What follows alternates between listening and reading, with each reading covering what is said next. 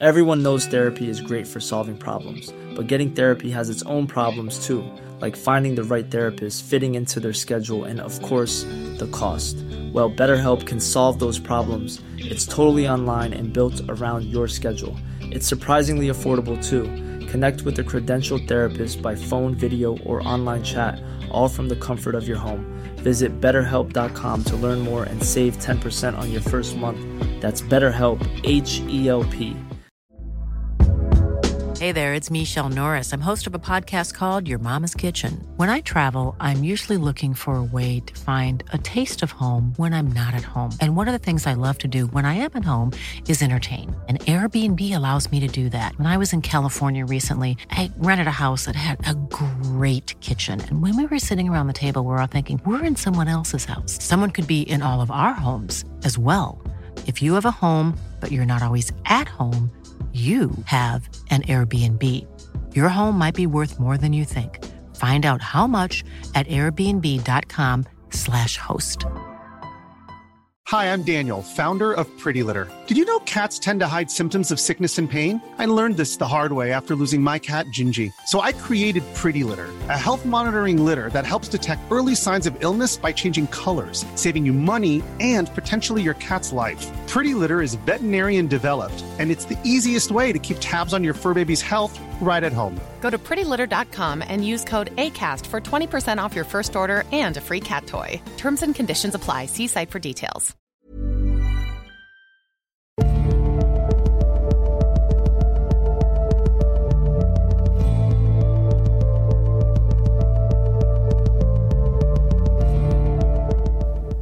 Hei og velkommen til Tåkeprat.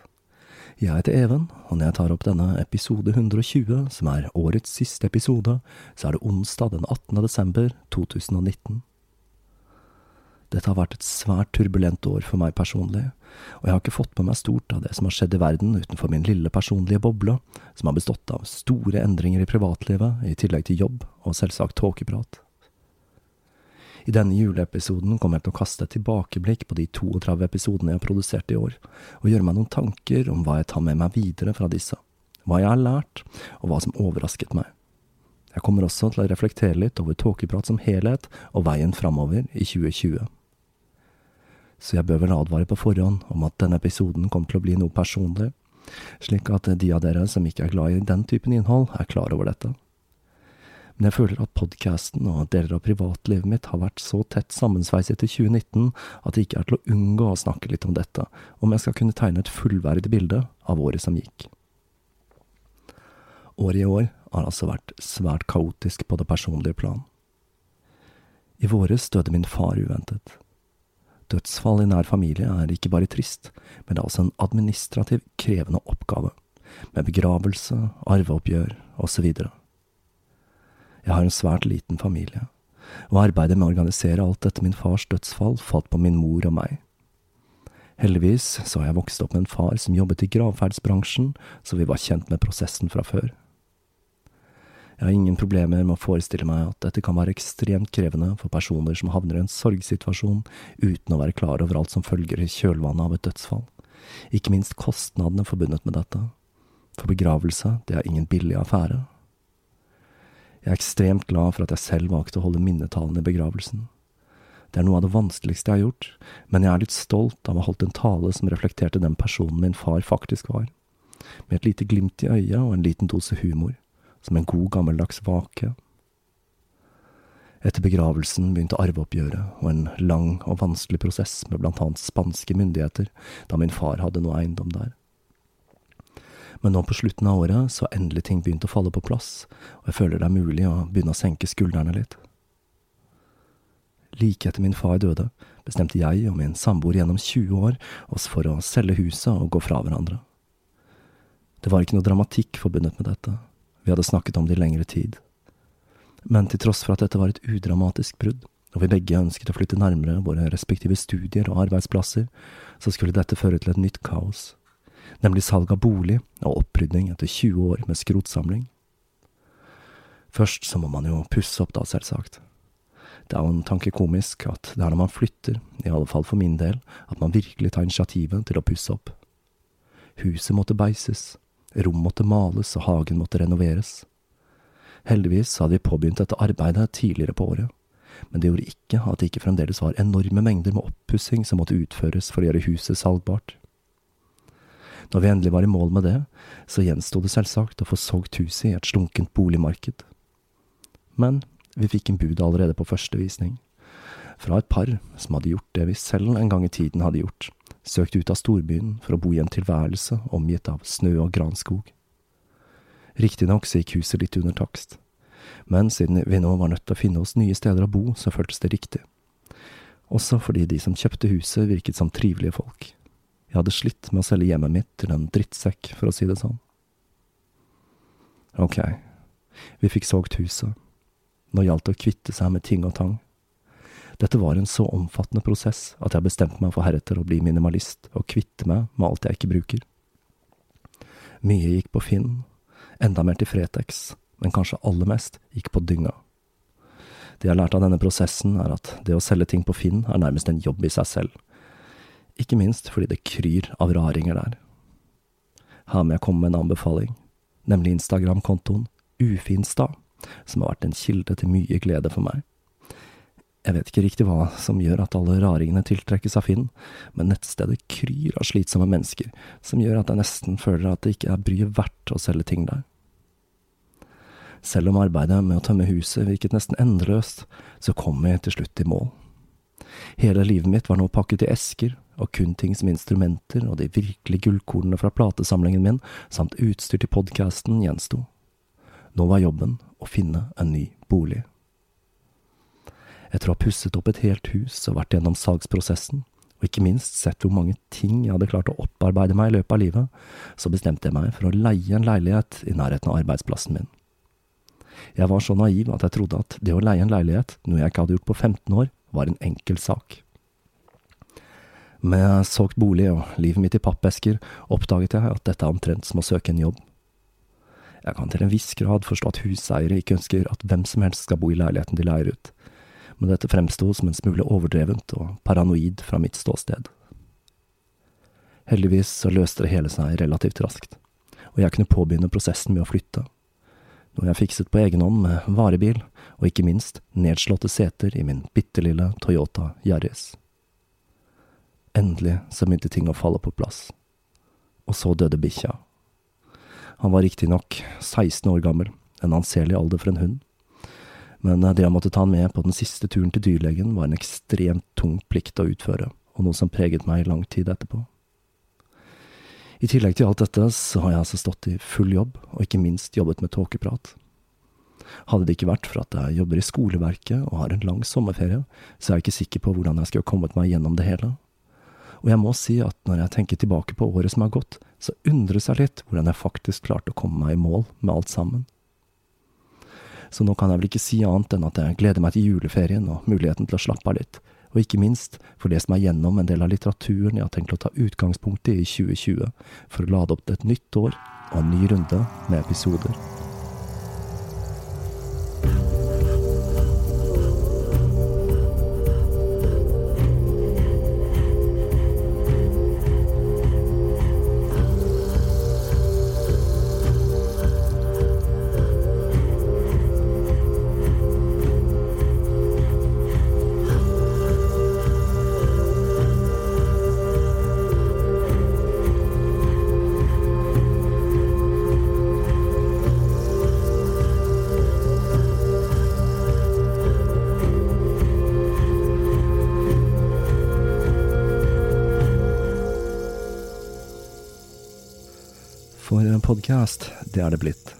Til tross for et turbulent privatliv.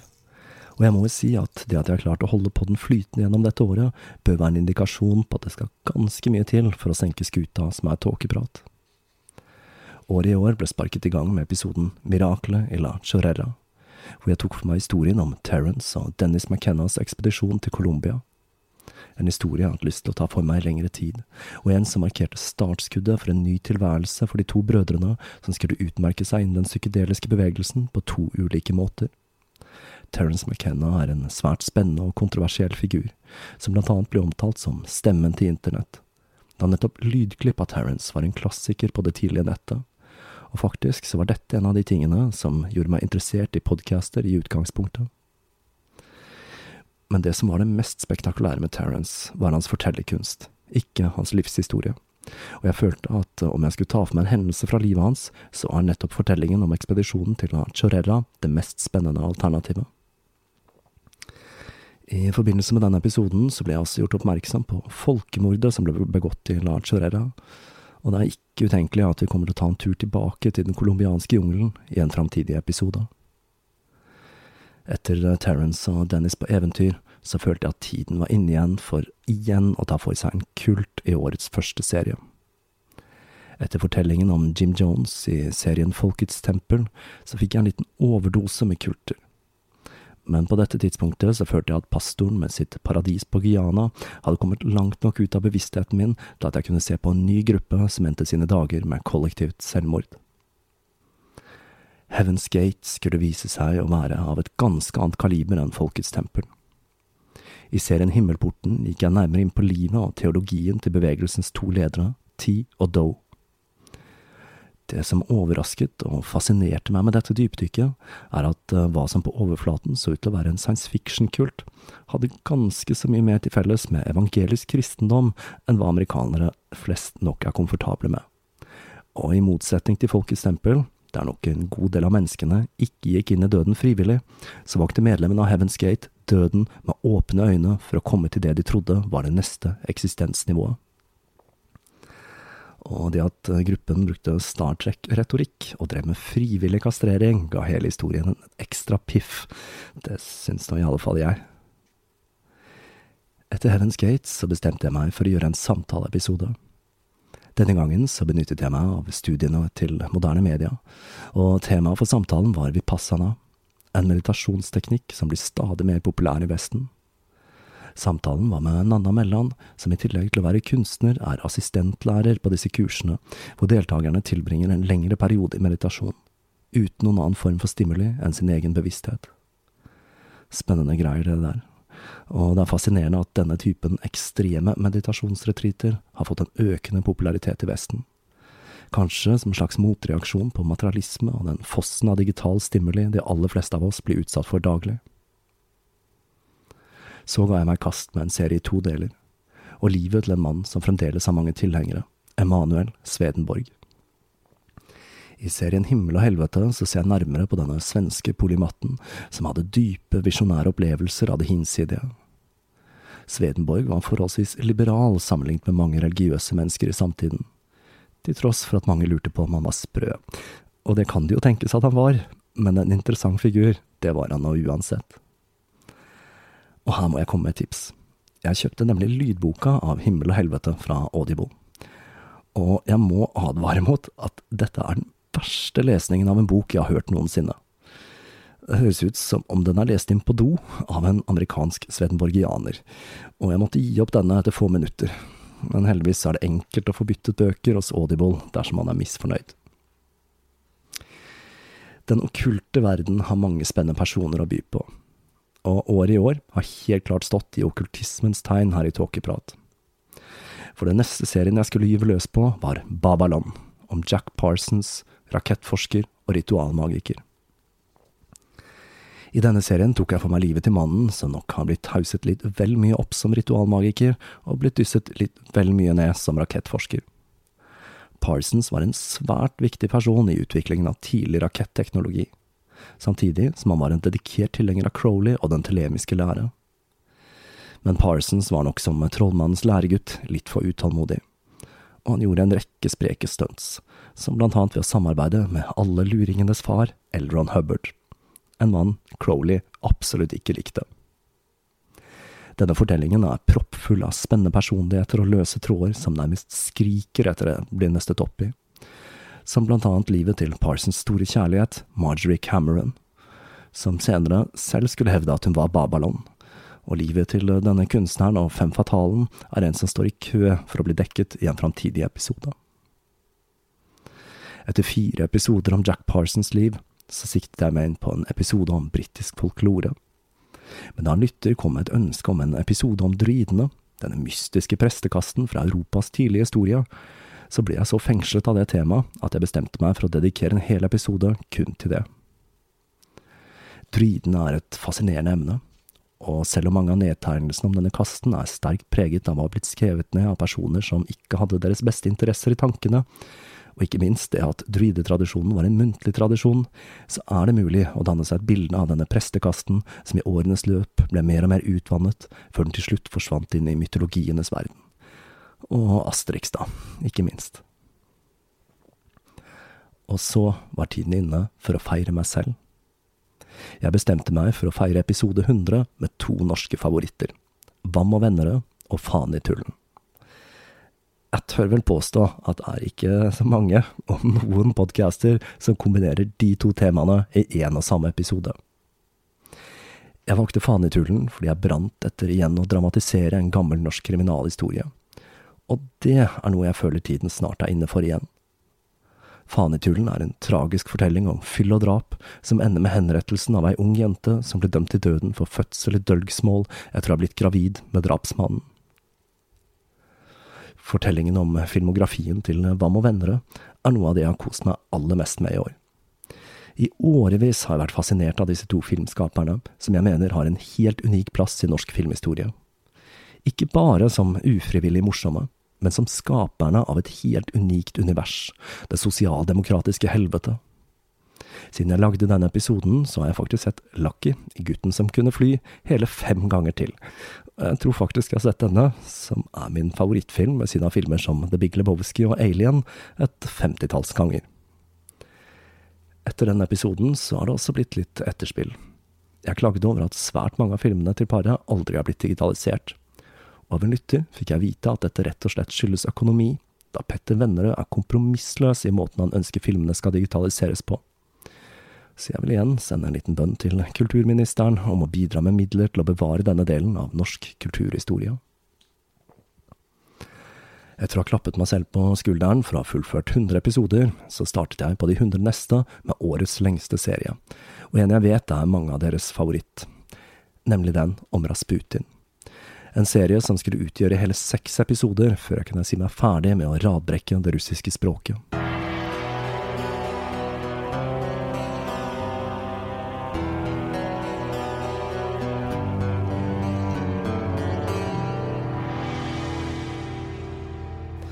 Rasputin har fascinert meg i årevis, men han har alltid vært en person det har vært vanskelig å bli klok på. For hvem var egentlig denne mannen med det stirrende blikket, som skulle hatt en nærmest hypnotisk makt over kvinner, og som til og med ifølge ryktene hadde en fast plass i tsarinaens seng? Rasputin skulle vise seg å være noe langt mer komplisert enn hva de mange fortellingene om han skal ha det til. Denne bonden fra Sibir, som fikk sitt kall fra Gud, utviklet faktisk en helt egen teologi, og han fikk naturlig nok mange fiender i den etablerte russisk-ortodokse kirken. Det skulle ikke stå på selvutnevnte staretser og mystikere i Russland, eller Europa for den saks skyld, på den tiden. Men Rasputin kom på rett, eller kanskje feil tid, og ble midtpunktet i den siste perioden til Romanov-dynastiet. En utrolig artig del av denne historien er når Russlands gale munk, Iljador, flykter fra Russland og ender opp i Bogstadveien i Oslo. Det lille faktaet der gjør at hele historien får en nærhet som i alle fall jeg føler ga serien en liten ekstra piff. Jeg føler at jeg har klart å tegne et klarere bilde av den, hvem denne mannen egentlig var, enn hva jeg hadde før jeg startet på denne serien. Det jeg fremdeles ikke har helt klart for meg, er hvor omfattende seksuallivet til Rasputin var, og hva egentlig denne kyssingen og klemmingen innebar. Men jeg vet i det minste at han var svært god til å danse. I eh, serien om Gerald Gardner, hekse, dukker det opp en dame som så ut til å holde Gardner i øra når han tok av litt for mye på slutten. Og i en serie i to deler skulle jeg ta for meg livet til denne damen, Doreen Valiente, som var en nøkkelperson i å videreutvikle systemet Gardner hadde begynt å sy sammen. Doreen var en svært privat person, og livet hennes er derfor ikke det enkleste å nøste opp i, men det er flere spennende elementer i livshistorien hennes, ikke minst på grunn av alle de underlige personene og grupperingene hun kom borti. Det er til og med en parallell til Savitri Devi i den historien. Da Doreen i en merkelig livsfase begynte å oppsøke de voksne nynazistiske miljøene i Storbritannia. Så var tiden inne for en sommeravslutning. Jeg bestemte meg for at den beste måten å gjøre dette på, var å ta opp en episode i solskinnet. Om du hører godt etter på denne episoden, som fikk tittelen Sommerprat, så kan du faktisk høre fuglekvitter i bakgrunnen mens jeg forteller om menneskeofring og ritualisert vold i Mellom-Amerika. Solskinn og menneskeofring. Hva er vel mer sommer enn det? Denne episoden skulle også inspirere meg til å kjøpe en astekisk dødsfløyte, et herlig instrument som gjenskaper lyden av ekstreme smerteskrik. Naboene mine, de elsker meg, kan dere tro. Etter en hektisk sommerferie så startet jeg opp igjen med en av mine favoritter fra gresk mytologi, nemlig fortellingen om Persefones nedstigning til underverden, og ikke minst mysteriene i Elises. en religiøs festival som er innhyllet i mysterier.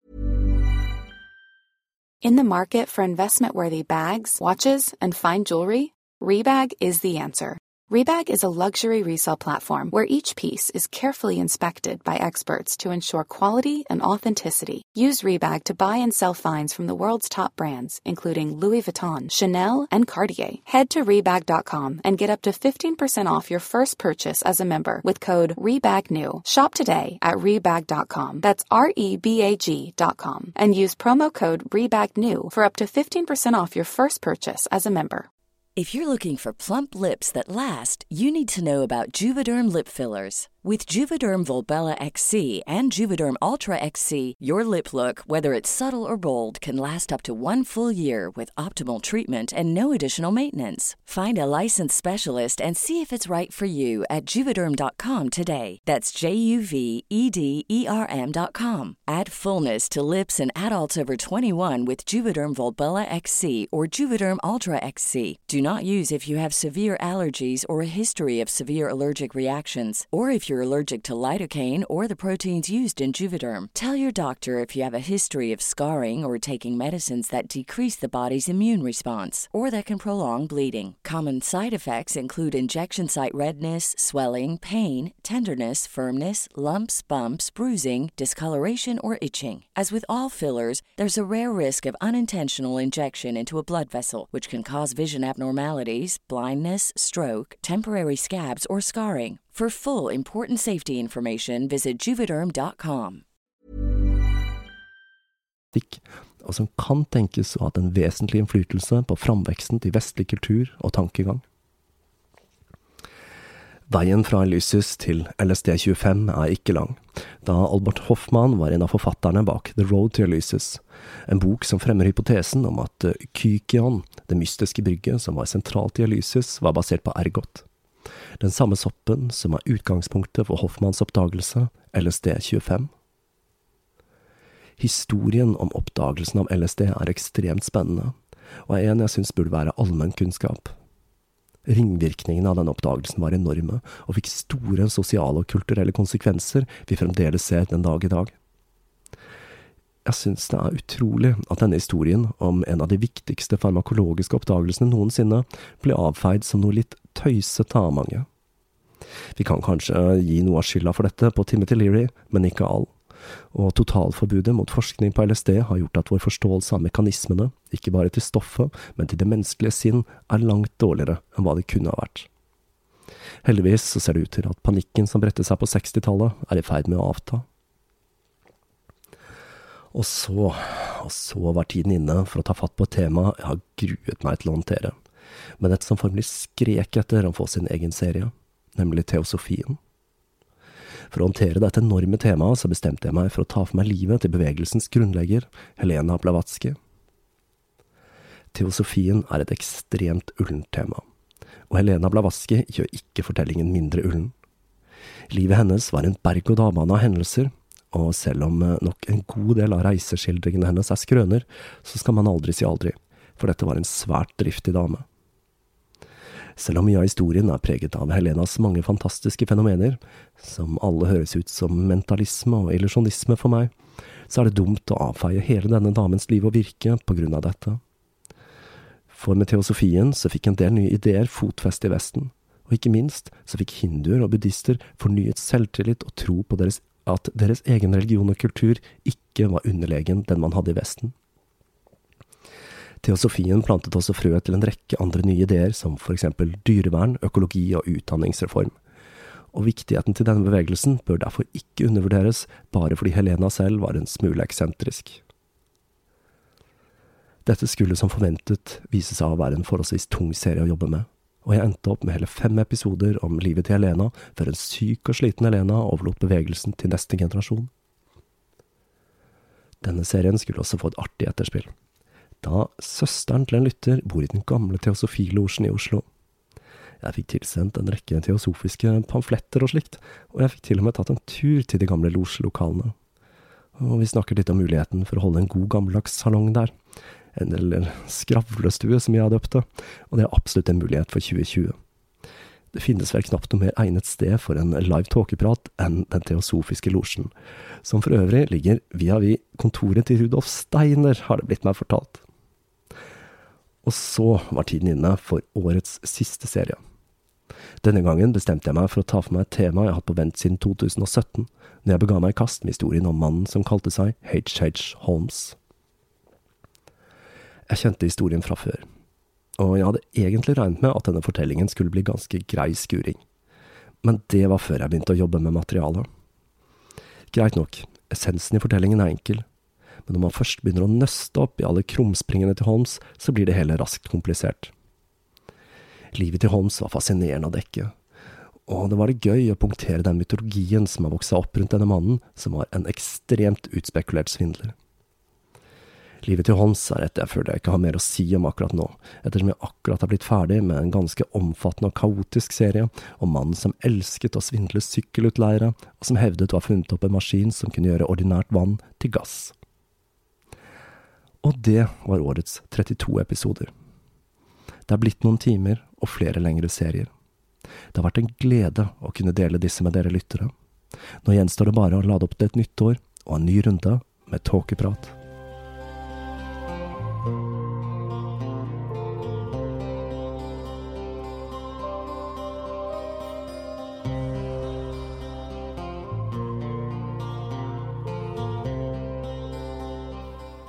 En av de fine tingene jeg får igjen med å gi vekk et gratis produkt, slik som Tåkeprat er, er korrespondansen med dere lyttere. Tidligere i år så var jeg en liten tur til lokalene til Moderne Media. Jeg er da ikke lenger under levelen deres, men jeg har dem som en samarbeidspartner, slik at jeg kan drive med innsag av sponsorer, events og lignende. Men det er uansett veldig ålreit å snakke med bransjefolk. Podcasting, slik jeg gjør det, er et ensomt arbeid, og det kan være svært vanskelig å diskutere prosessen med sivile. Jeg ble sittende og snakke litt om nettopp tilbakemeldinger fra lyttere. Og da gikk det opp for meg at Tåkeprat nok er i en særstilling når det gjelder akkurat dette. For det er nå meg blitt fortalt hvor mange sure og misfornøyde tilbakemeldinger de aller fleste norske podcaster faktisk mottar. Det skjer noe med lytteren når man hører en podkast, når man hører en person snakke time etter time, gjerne gjennom et headset. Da blir det hele litt personlig. Og da kommer det ofte sterke meninger fram, både positive og negative. I mitt tilfelle så mottar jeg ekstremt få negative tilbakemeldinger. Jo da, jeg har engasjerte lyttere som følger med, men den kritikken jeg får er i stor grad konstruktiv, og en jeg setter pris på. Men i det store og det hele så får jeg altså stort sett bare positive tilbakemeldinger. Det er også helt tydelig de gangene jeg møter på dere lyttere der ute i den virkelige verden. Dere er en særs oppegående gjeng med individer. Men det finnes unntak. I forbindelse med utgivelsen av boka Fire and Fury i 2018, så kom jeg med en liten kommentar til denne i begynnelsen av en episode. Fordi jeg nettopp hadde lest denne litt tabloide boka, syntes den var artig og verdig en kommentar. Slik jeg husker den, så kan den kort oppsummeres med at Trump ikke stilte til valg fordi han hadde et sterkt ønske om å bli president, men fordi han ønsket å fremme sin egen merkevare. Det høres ganske plausibelt ut for meg, og virker ganske så karakteristisk for Trumps øvrige karriere. Men det skulle få konsekvenser å snakke om Trump. Tåkeprat er ikke en politisk podkast. Det finnes det nok andre som tar seg av. Men amerikansk politikk er så vesentlig forskjellig fra den norske at jeg følte vel at det å kommentere en bok om amerikansk politikk som var i vinden, var en ganske trygg ting å gjøre. Men der tok jeg altså feil. I kjølvannet av denne episoden så raste det inn med meldinger fra rasende norske Trump-supportere. Jeg vet ikke hva som sjokkerte meg mest. At det finnes norske Trump-supportere, eller det at disse hører på tåkeprat.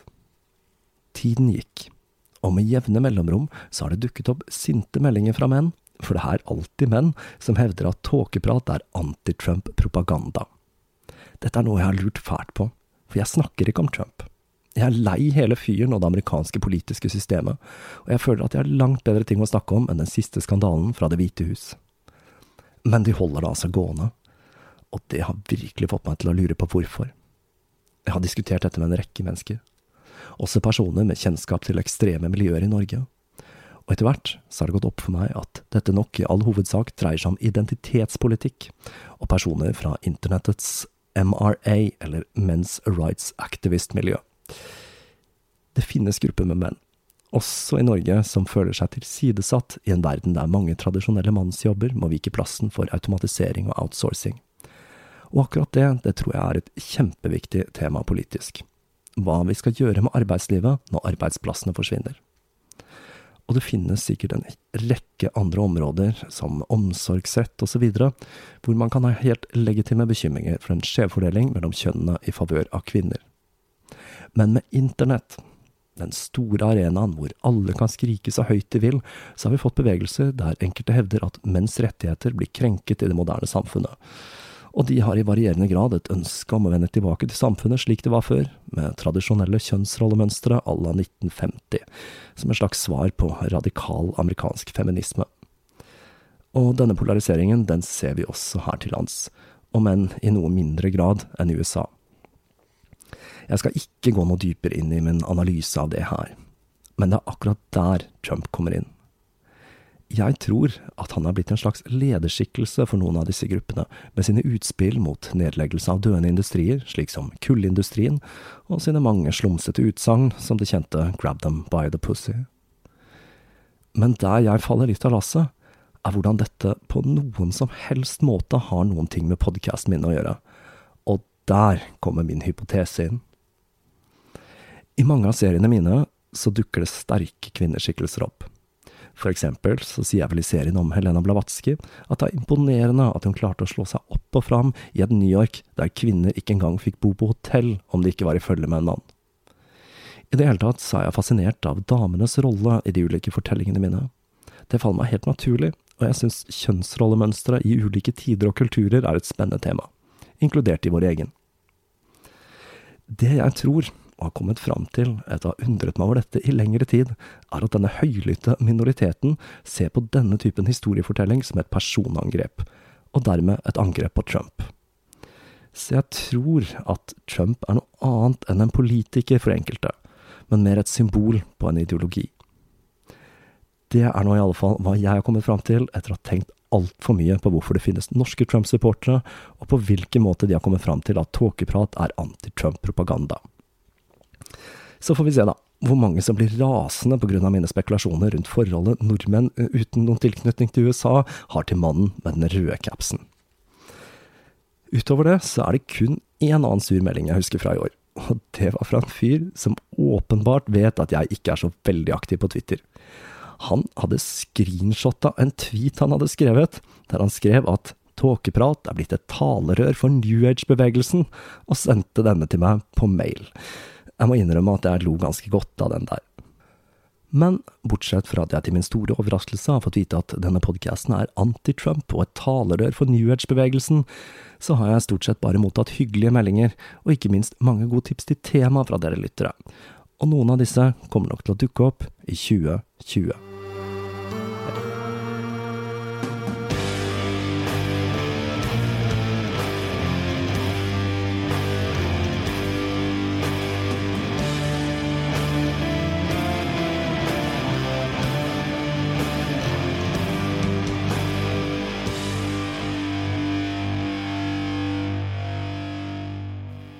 Det har også skjedd en del på den administrative siden her i Tåkeprat i løpet av året.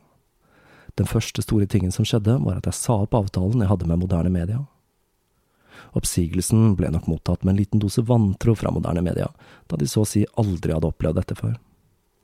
Det er flere grunner til at jeg valgte å gjøre dette. For det første så sto jeg for all produksjon av alt innhold, musikk og redigering av denne podkasten selv, og da føltes det veldig unaturlig at moderne media skulle stå oppført som produksjonsselskap.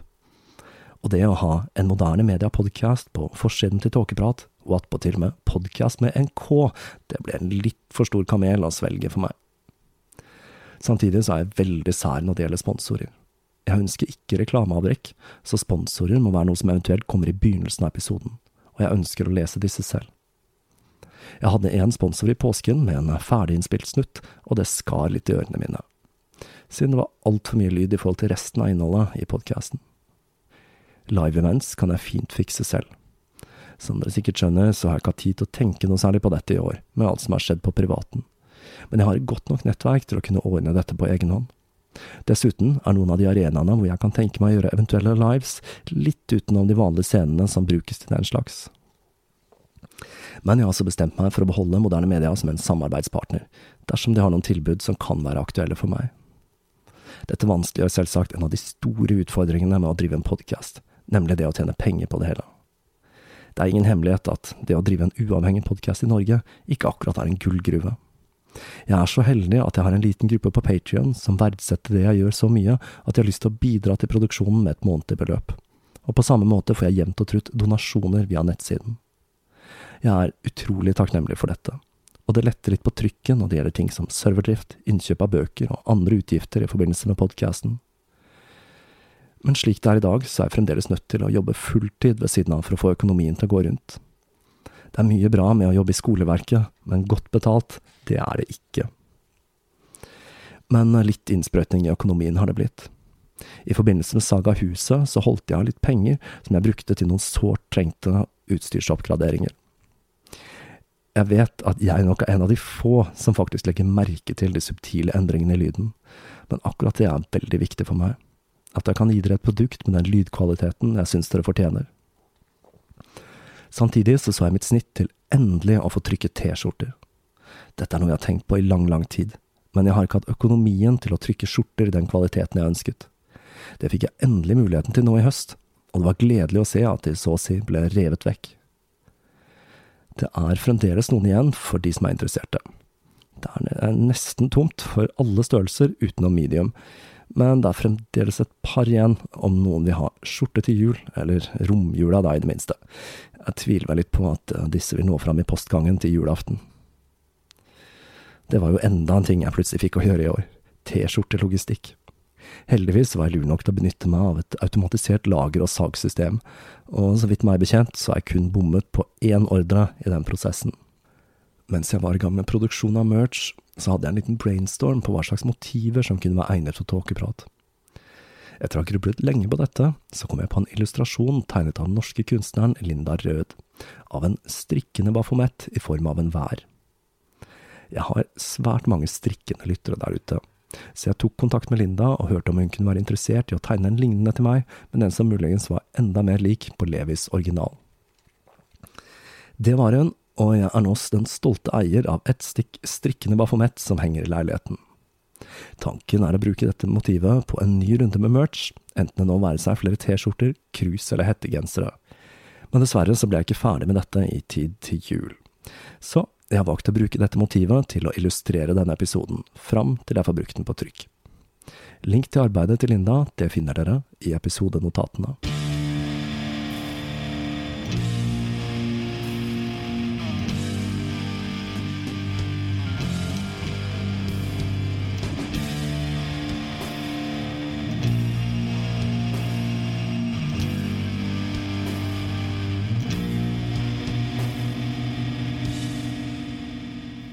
Og så har jeg en bitte liten anbefaling helt til slutt.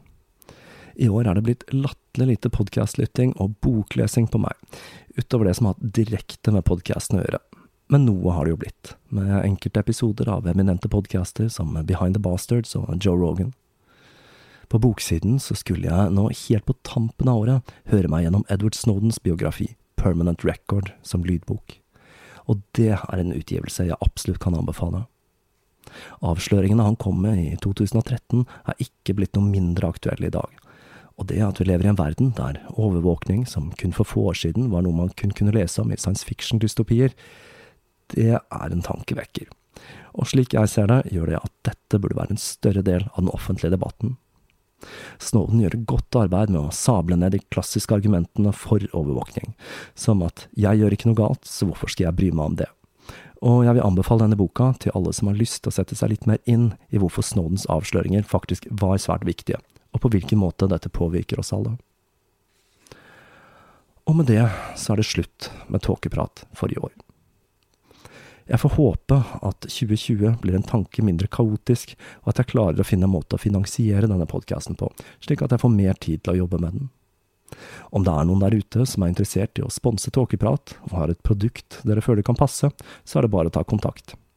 Jeg er som sagt ganske sær når det gjelder hvordan ting skal gjøres, men samtidig så gir jo dette litt ekstra kred til de som kommer gjennom nåløyet. Jeg kunne for eksempel godt tenke meg å slå et slag for mindre norske bedrifter og enmannsforetak, og kan sikkert tilrettelegge priser som er langt mer spiselige enn hva man vil få via et podkastkollektiv hvor en tredjepart spiser opp en del av beløpet. Så fram til vi høres igjen i januar, så vil jeg ønske dere alle sammen, kanskje verdens beste lyttere, en riktig god jul og et godt nytt år.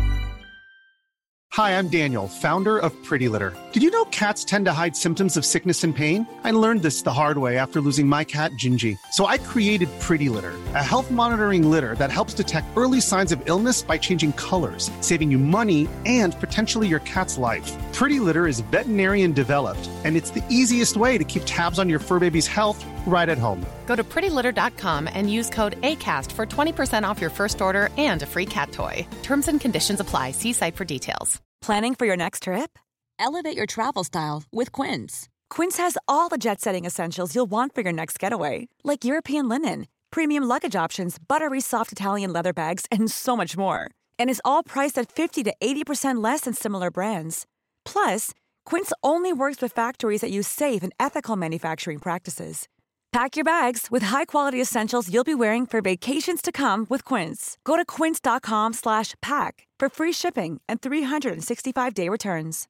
When you make decisions for your company, you look for the no-brainers. And if you have a lot of mailing to do, stamps.com is the ultimate no-brainer. It streamlines your processes to make your business more efficient, which makes you less busy. Mail checks, invoices, legal documents, and everything you need to keep your business running with Stamps.com.